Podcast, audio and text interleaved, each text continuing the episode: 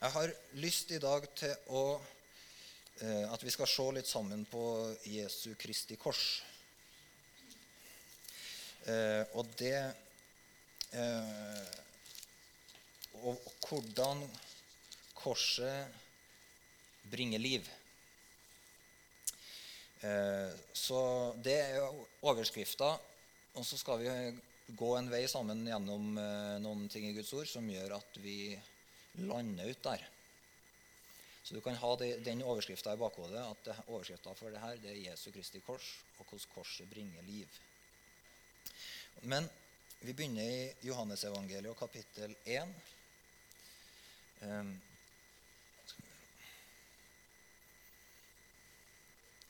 og der står det i vers 1 I begynnelsen var Ordet. Ordet var hos Gud, og Ordet var Gud. Han var i begynnelsen hos Gud. Alt er blitt til ved Han, og uten Han er ikke noe blitt til.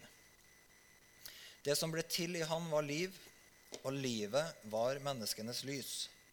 Lyset skinner i mørket, og mørket har ikke overvunnet det.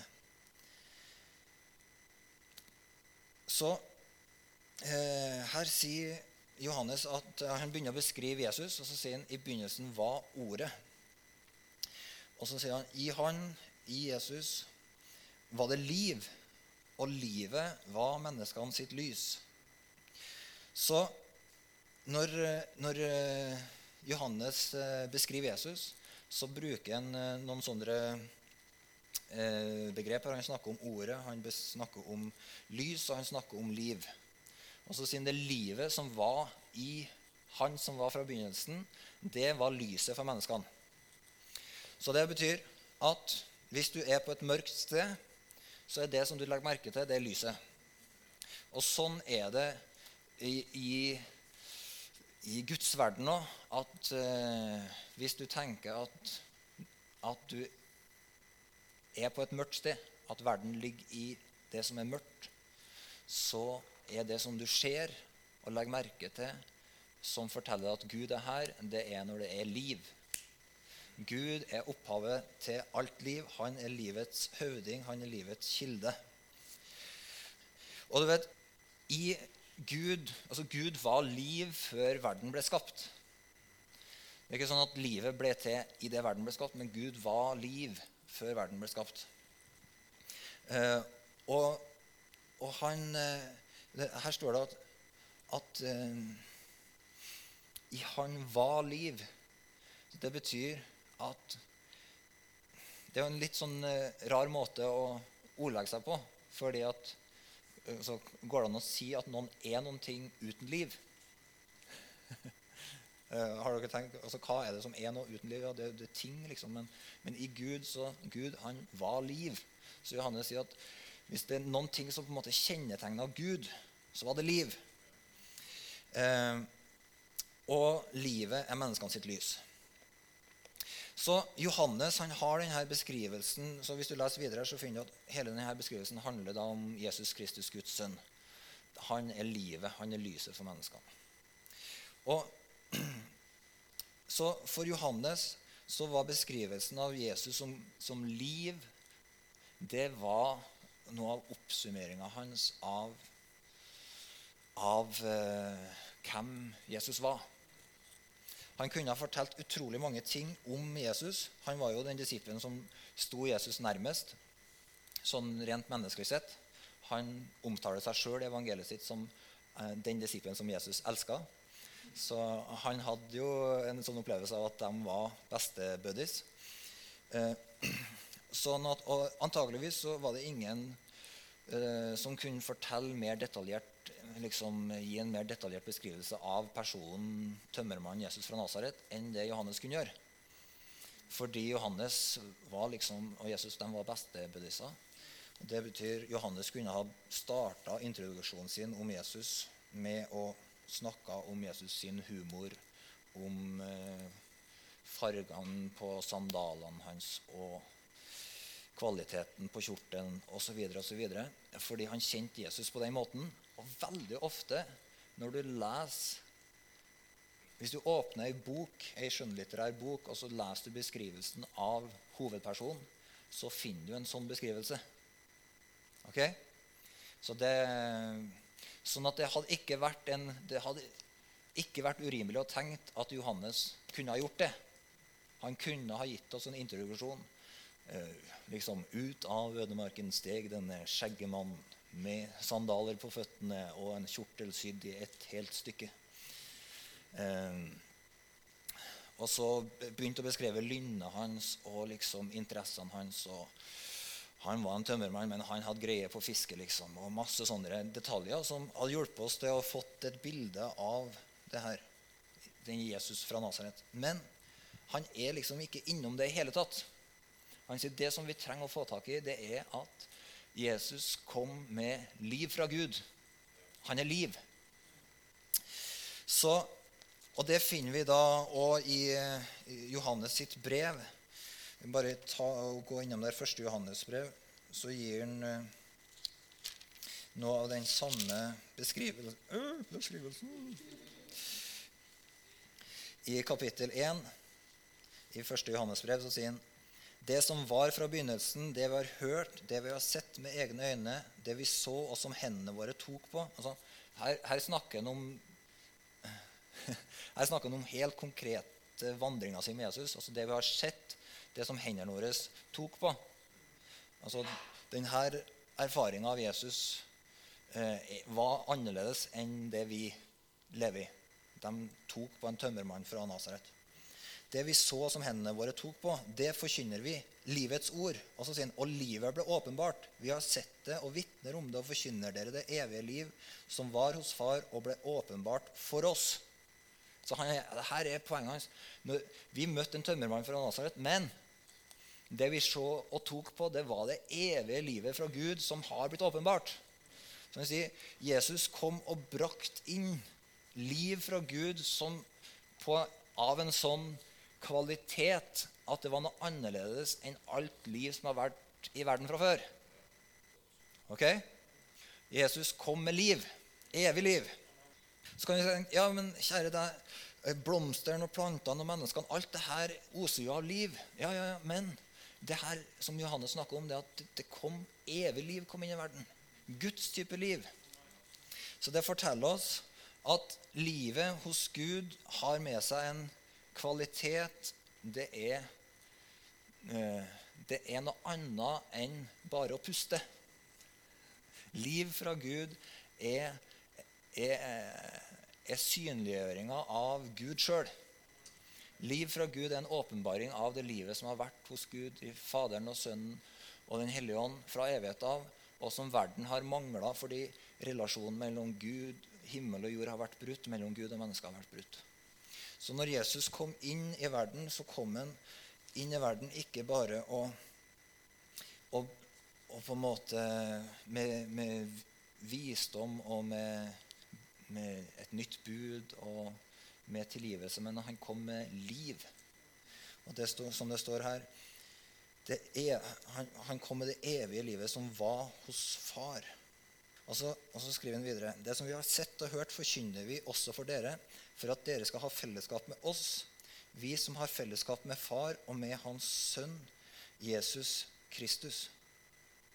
Sånn at han sier når dere kommer inn og tar imot det her livet fra Gud, så er det ikke bare sånn at eh, dere blir våre venner, men fordi dere tar imot liv fra Gud, så blir dere en del av et fellesskap som er med far og sønn. Så det er ikke bare fellesskapet med Jesus, men når vi blir frelst, møter Jesus, tar imot liv fra Gud, blir født på ny, så blir vi tatt inn i fellesskapet som er med far og med sønn.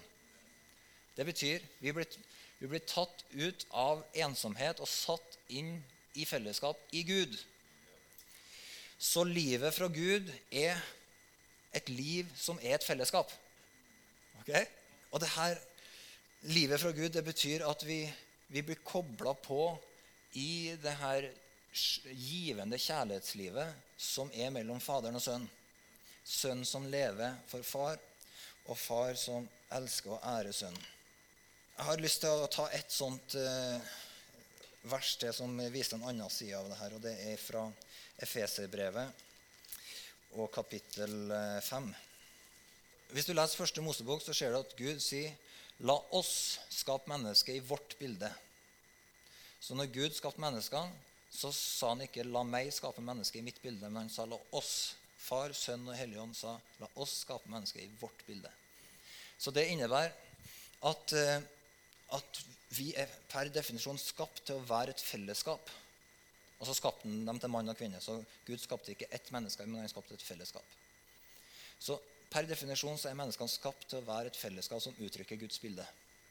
Men det her fellesskapet, det har bare Guds liv i seg når det er fellesskap på Guds måte.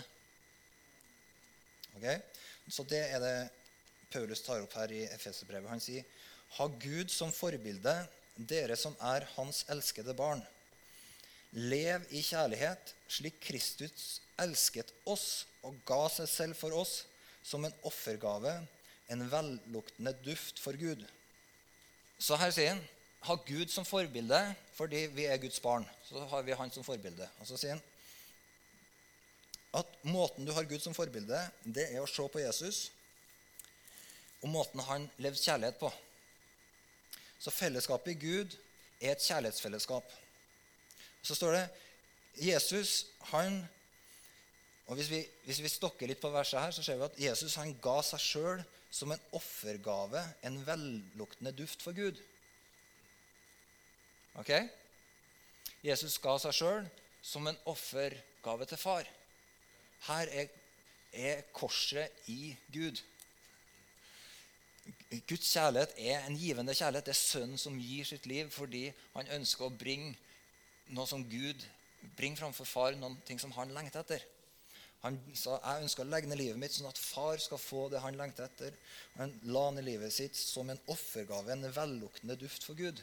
Retningen på Jesus sitt liv var hele tida jeg ønsker å leve til fars ære. Jeg ønsker å leve til hans behag. Jeg ønsker å leve sånn at han skal bli velsigna. Det er kjærlighetsfellesskapet i Gud. Og så sier han, så På en måte så, så forklarer Paulus her Guds fredsplan, og så bare tar han menneskene med som en sånn parentes. Og så sier han fordi Jesus var så glad i far, så tok han og ga livet sitt for oss. Men hensikten det, det handler om at det var sønnen elska Faderen så høyt. Så sier han her slik Kristus elska at og ga seg sjøl for oss som en offergave. Så vi var La meg uttrykke det litt corny, men, men vi var utrolig heldige som var her i den tida i historien hvor Jesus uttrykte sin kjærlighet til far ved å gi livet sitt for oss. Litt eh, teit sagt, men, men, jeg tror at, vi, at eh, når, vi ser på, når vi ser på Guds plan fra evighet av, så ser vi at, at, eh, at vi er Guds plan dreier seg ikke om oss. Men, er, men Guds plan dreier seg hele tida om, om, at Jesus ønsker å bringe fram for far en familie av sønner og døtre som er rettferdiggjort og helliggjort og kjøpt fri. Rensa, hel, moden. Eh, en familie for far. Og far han ønsker å, å gi sønnen en brud i hellighet og ære som uttrykker Kristus. Sånn at han kan si, sånn som Adam når han så sin brud og brudesønn Det her er kjøtt av mitt kjøtt, det her er blod av bein av mine bein. Det her representerer meg, det uttrykker meg, det ligner på meg. Det her er mitt liv, uttrykt på jord. Vi er av de Vi er privilegert som har en Gud som har tatt oss med inn i sin plan. Ikke fordi vi fortjente ikke fordi vi var flinke til å vende om, ikke fordi vi var spesielt from når evangeliet kom til oss, men fordi, rett og slett fordi Faderen elska Sønnen, og Sønnen elska Faderen, så har de retta opp universet på en sånn måte at vi er invitert med inn i fellesskapet med Gud. Vi er tilgitt, vi er gjenreist. Og Sønnen brakt oss fram som en velduftende offer til Gud. Så det kan du tenke på for din egen del kan vi tenke på, Det er en sånn motivasjon i det. Tenk det. At, eh, at det at Jesus rensa deg for synd, tilga deg syndene dine, brakte deg framfor Gud, det betyr at hele livet ditt nå, det er en sånn velluft for Gud. Det handler om det. det alt, alt er til pris og ære. Hvis du leser i kapittel 1 i det samme verset, så ser du at alt som Gud, Jesus gjorde for oss, det var at, at vi skulle være et folk som var til pris og ære for Hans nåde og Hans nådes herlighet. Er det fantastisk? Det er veldig befriende. Og um, Det kunne jeg bare sagt mye om, men jeg har bare lyst til å bare si én ting om det. Tenk at vi er til pris og ære for Hans nådes herlighet. Det betyr når du, når du uh, ble tilgitt, så Den tilgivelsen som nådde fram til livet ditt, den ærer Guds nåde. Den bringer ære til Guds nåde. Når du lever rettferdig, og gjør det som er rett, lever med et liv i ånden, så bringer du ære til Gud for Hans nåde. Og når du snubler, fall, og så vender tilbake og sier 'Jeg lever pga. Jesu blod, ikke pga. mine egne rettferdige gjerninger', så snur til og med Gud fallet ditt, synda di, sånn at oppsummering av livet ditt alt, både seirene dine og nederlagene dine, alt det her er til pris og ære for Hans nådes herlighet. ikke det fantastisk? Til og med Jesus har innretta verden sånn at til og med mine nederlag kan bringe ære til Guds nåde. Det er veldig befriende. Det gjør at det vekkes det en sånn takknemlighetsoffer eh, i hjertet som sier, 'Herre, din nåde det starta med din nåde, det slutter med din nåde, og alt imellom med din nåde. Takk, jeg ønsker at dette livet skal være en respons til din nåde. Ikke en respons på mine feiltrinn, ikke en respons på alt som skjer rundt meg av gode og dårlige ting, men takk for din nåde, far. Så Kristus elska oss og ga seg sjøl for oss som en offergave en velluktende duft for Gud. Det, det, for, det, å ha Gud som forbilde, det er å leve i kjærlighet på en sånn måte at vi gir oss selv. Kjærlighet på Guds måte, det er en sånn giverkjærlighet. Livet i Gud har fra begynnelsen av alltid vært Gud er giver. Punktum. Og det er veldig befriende. Og her kommer korset inn, for at korset det Jesus gikk til korset for å tilgi syndene våre, og så gikk han til korset for å gjøre slutt på synderen. Og det jeg har litt lyst til å bare ta en, eh, en kikk på det. Fordi korset er veien til oppstandelse og nytt liv livet fra Gud, det livet som vi finner i Gud, som er det her kjærlighetslivet som, selv, som gir seg sjøl i kjærlighet, det livet kan, kommer ingen inn i uten å gå via korset. Korset er veien til oppstandelsen. Man får ikke del i oppstandelsen uten å gå om korset. Så Jesus kom inn i verden med evig liv. Han kom inn i verden og, og både levd og praktisert en del ting som viste oss det her evige livet fra Gud.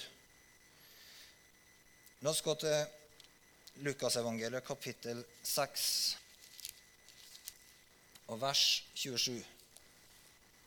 De versene som vi leser nå, de, det er på mange måter også en oppsummering av livsstilen til Jesus når han levde før korset.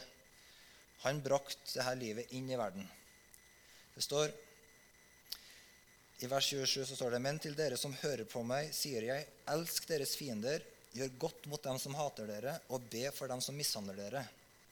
Slår noen deg på det ene kinnet, så by fram det andre også. Om noen tar fra deg kappen, så nekt han heller ikke skjorten. Gi til hver den som ber deg, og om noen tar fra deg det som er ditt, så krev det ikke tilbake. Her, det her er ekstremt radikalt. Og, sånn levde Jesus. Han, han, var en som ga ikke ut fra folk sin respons. Og den ultimate demonstrasjonen til Jesus av det her var at han ga seg sjøl for oss mens vi enda var syndere. Så Jesus ga seg sjøl for oss mens vi enda var syndere. Og det forteller oss at han venta ikke på vår respons. Og han var ikke styrt av vår respons. Han bare ga seg sjøl. Så når han underviser det her, så er det, det her, er, her er livet til Jesus. Han kom inn i verden og levde aldri ut fra hva er det folk gir meg tilbake? Hva er feedbacken? Hva er, eh, hva er det i det her for min egen del? Men han levde hele tida ut fra at han, han, levde, han, levde, for sin fars ansikt. Han sa alt jeg trenger, har jeg hos far. Alt jeg gjør, får jeg fra han. Alt jeg ser hos han, det gjør jeg. Sånn at de her eh, versene her er ikke en sånn uoppnåelig liste med bud som Jesus liksom stiller fram for oss og sier det her er en, en disippellivsstil. Prøv så godt du kan. Men det her var det livet Jesus levde. Han levde sånn. Og så sier han men, og, det, og det kommer, vi, skal, kan, vi, skal, lese noen vers videre, men, men greia er Det evige livet var ikke tilgjengelig for noen før korset. Det var i Kristus, men det var ikke kraft. Det var ikke nåde, det var ikke kilder til å leve det her livet før korset.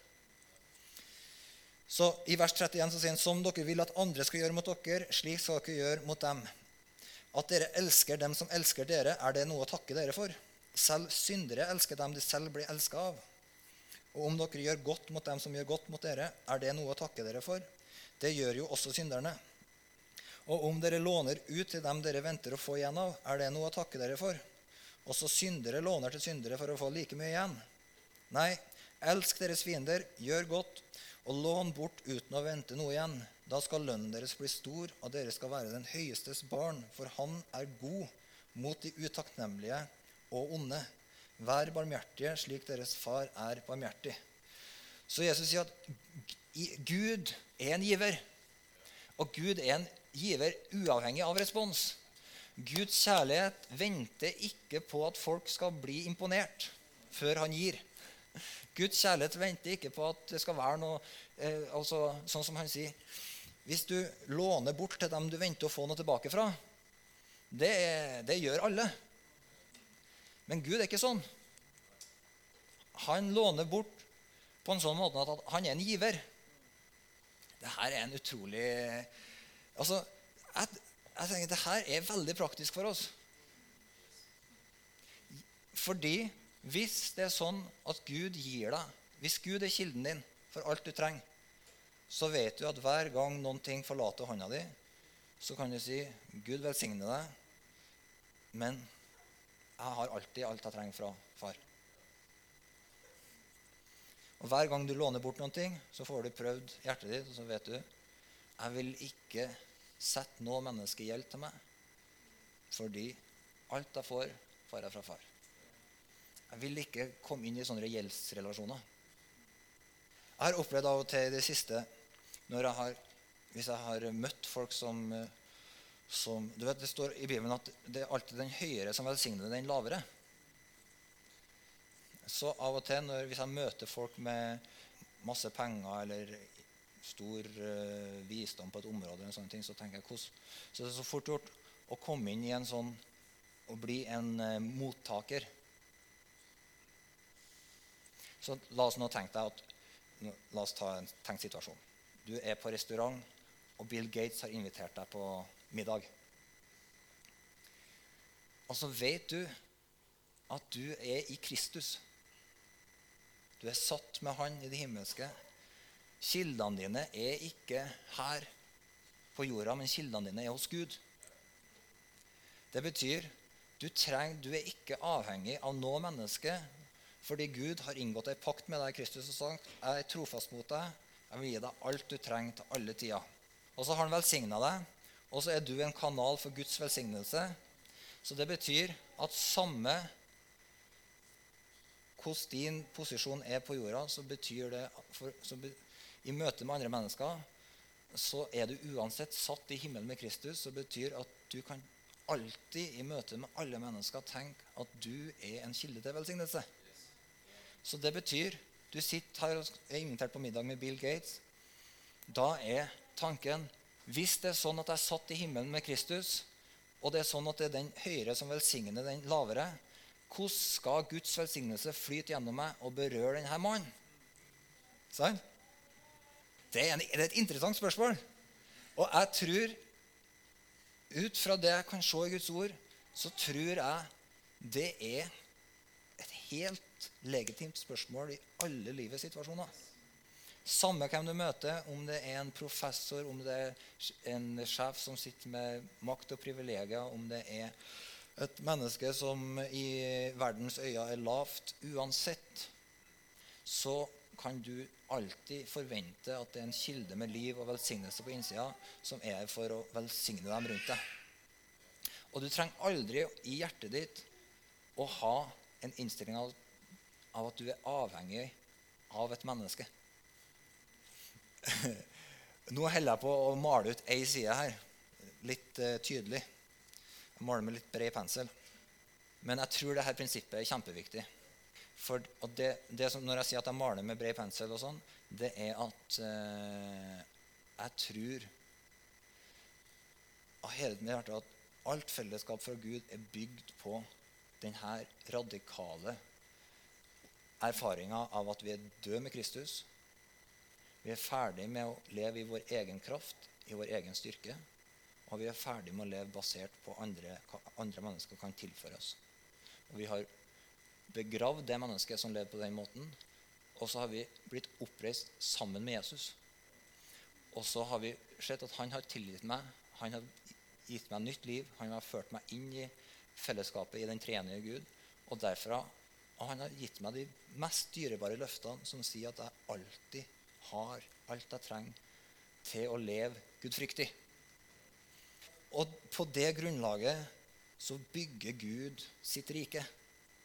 Gud bygger ikke riket sitt på gi og ta, han, eller på forhandlinger.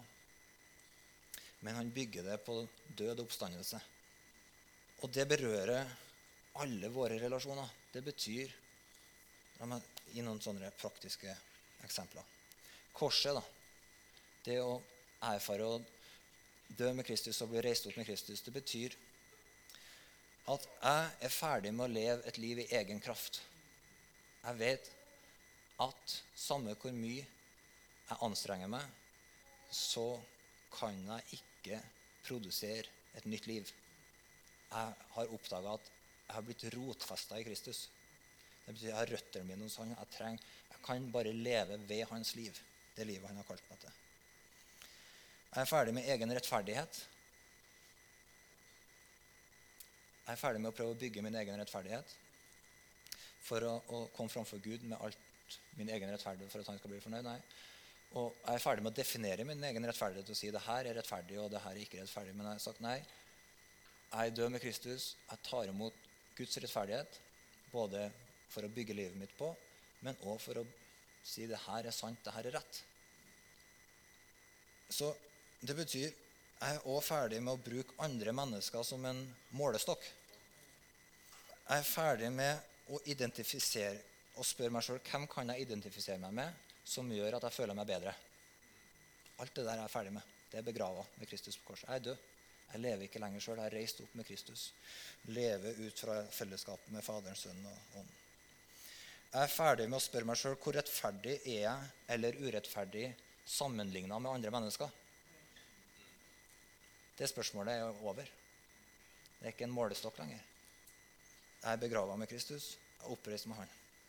Som betyr jeg går ikke rundt og ser og bedømmer mitt eget liv ut fra hva jeg ser hos andre, men jeg ser på Kristus og lever ut fra hans rettferdighet.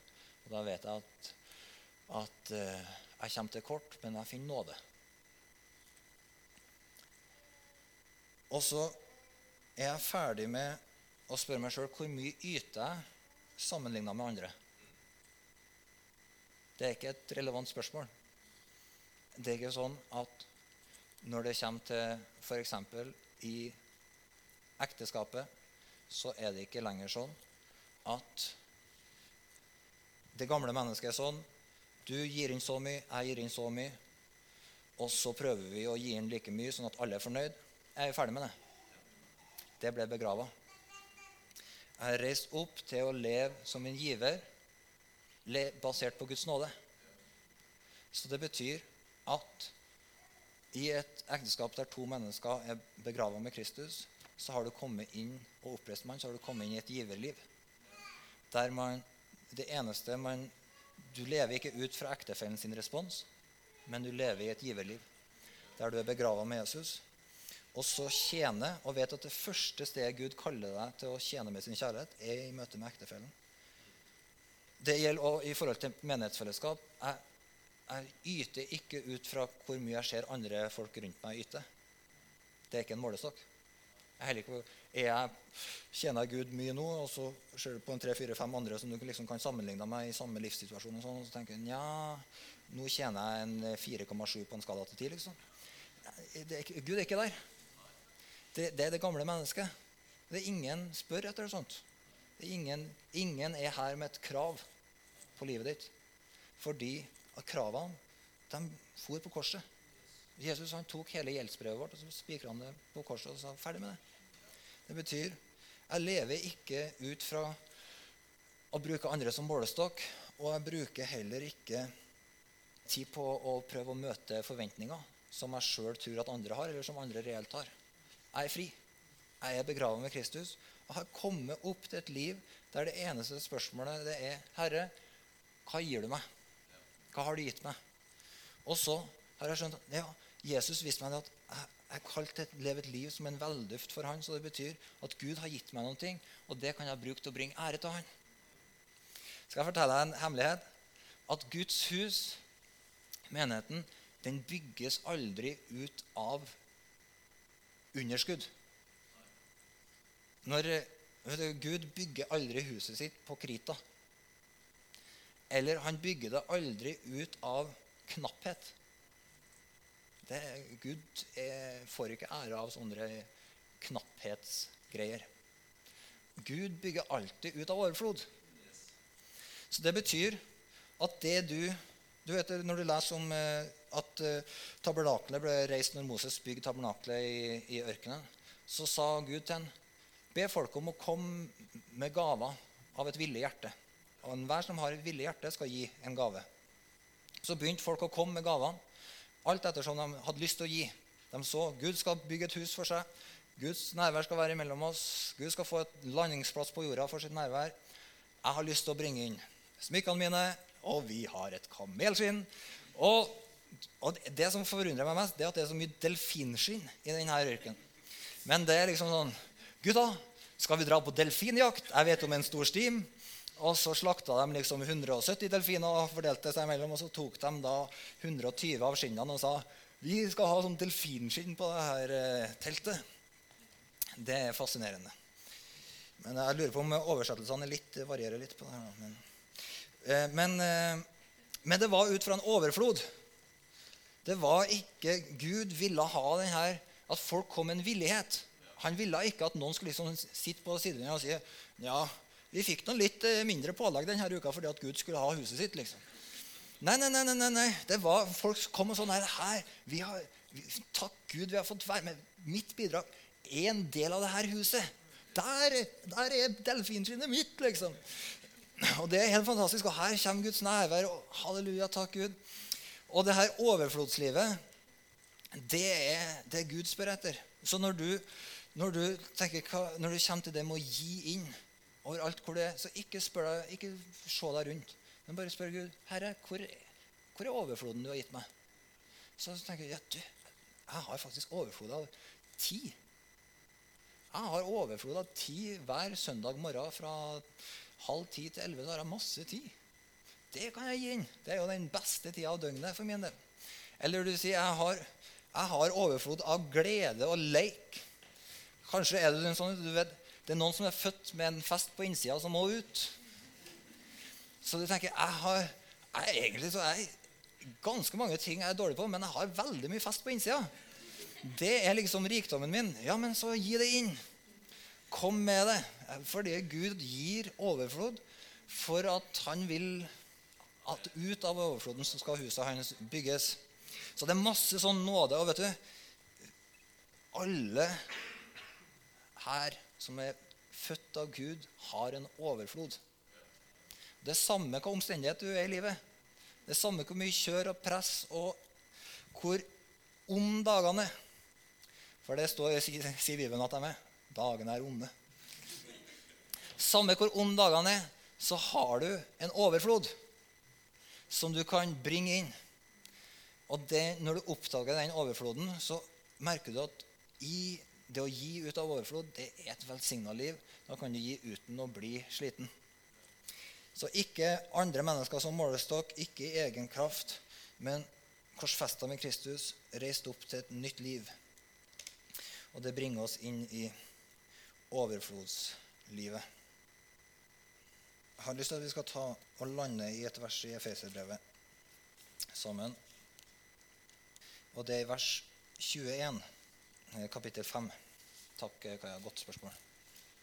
For når vi har, når vi har erfart korset på denne måten, så oppdager vi det at korset, der vi er ferdig med oss sjøl og korsfesta for verden, og verden er korsfesta for oss, det bringer og kobler oss og oppstandelsen da, det kobler oss på himmelens kilder. Det gjør at der Guds hus er, der flyter liv inn i verden. Det er sånn som Johannes, som vi var i Johannes 1, så sa han at han var livet, og livet og menneskene sitt lys. Vet du, Menneskene lengter etter et sted der de finner liv, velsignelse, rikdom på fred, rikdom på rom i hjertet osv. Og, og så er det én ting til som vi lærer når vi har oppdaga at vi ikke trenger noe menneske, og ikke er avhengig av noe menneske, så oppdager vi at Gud bygger oss sammen ut fra at vi tar imot fra Gud gjennom mennesker. Er ikke det interessant? Så når vi har oppdaga at jeg trenger, jeg trenger ikke noe menneske for å, at mine behov skal være møtt, osv., osv. Alt jeg har, alt jeg trenger, det har jeg hos Jesus. Når vi oppdager det, så fører da Gud oss inn i et liv der vi oppdager at men faktisk, Jesus gir meg ting gjennom mennesker. Og Det er fantastisk. Så jeg har lyst til å bare lande i det her vers 21 her. For her gir Paulus oss et, eh, en nøkkel for å ta imot fra Jesus. Der står det 'Vær hverandre underordnet i ærefrykt for Kristus. Så ærefrykten for Jesus, det at vi anerkjenner Jesus, du er alt. Du er alt jeg trenger. Du er kildene mine. Du er, du er rettferdigheten min. Jeg har en ærefrykt for deg. Den gjør at jeg begynner å underordne meg mennesker. Nå skal jeg si en ting om underordning her. Underordning det er ikke først og fremst lydighet mot. Lydighet mot kan være en del av underordning. Men når han sier her 'underordne dere hverandre', så betyr ikke det Så, så er ikke det en sånn uh, Så er det en generell det, går, det betyr Han sier det til alle. Han adresserer alle og sier 'underordne dere hverandre'. Så underordning, det er en innstilling i hjertet der vi i ærefrykt fra Gud stiller oss i en posisjon der vi kan ta imot. Så her er et glass vann. Nå er jeg ikke underordna. Men nå er jeg underordna. Skal vi ta et forsøk? Ser dere det? Jeg er underordna, ikke sant? Skal vi gjøre et forsøk? Får jeg til å drikke hvis glasset er her? Nei. Jeg må underordne meg. Så kan jeg drikke. Så Idet jeg underordner meg vannet, så strømmer det. Det betyr jeg underordner meg i ærefrykt for Kristus. Så stiller jeg hjertet mitt i en posisjon som gjør at jeg kan bli velsigna og finne liv fra Gud gjennom alle. Det betyr jeg stiller hjertet mitt i en posisjon i forhold til Jesus som gjør at hans liv kan forfriske meg gjennom et lite barn. Hans liv kan forfriske meg gjennom folk som jeg aldri har møtt før. Hans liv kan forfriske meg om du har et lederansvar et sted, så kan Guds liv forfriske deg gjennom alle de folkene som du har et ansvar for. Fordi underordning er en innstilling i hjertet der du stiller deg i en posisjon av å ta imot. Og når du har oppdaga at du underordner deg under Kristus, og ikke altså underordninga under hverandre er i ærefrykt for Kristus, det, den presiseringa i ærefrykt for Kristus er nøkkelen til å forstå bibelsk underordning. Fordi at da kommer vi på plass i forhold til hverandre på en sånn måte at Guds liv strømmer inn i livene våre. Så vi begynner å ta imot hverandre ikke fordi folk er kule eller veltalende eller har alt på stell, men vi tar imot hverandre og tar imot liv fra Gud gjennom hverandre fordi vi har ærefrykt for Kristus. Korset bringer oss ut av å stole på oss sjøl. Det bringer oss ut av å stole på mennesker rundt oss og inn i livskildene fra Gud. Og det her Kildene fra Gud er måten Gud forandrer verden på. Det her er Guds, Guds rike kommer på denne måten. Og mennesker som har lært å drikke av Jesus, de også, kan òg få del i denne nåden av å ta imot Guds nåde gjennom alle mennesker. Og Da finner man nåde i ekteskap og merker hvordan nådens elv flyter der når man har en rett holdning til hverandre. Man finner det i menighetsliv. Eh, og underordning er fantastisk på den måten at både at vi møter hverandre med en rett innstilling i Kristus, men òg at vi gir rom for Jesus sitt styre inn i sin verden. Så når f.eks. Paulus skriver 'underordne dere myndigheter', eh, så handler det om til syvende og sist ta imot Jesus sin velsignelse og liv gjennom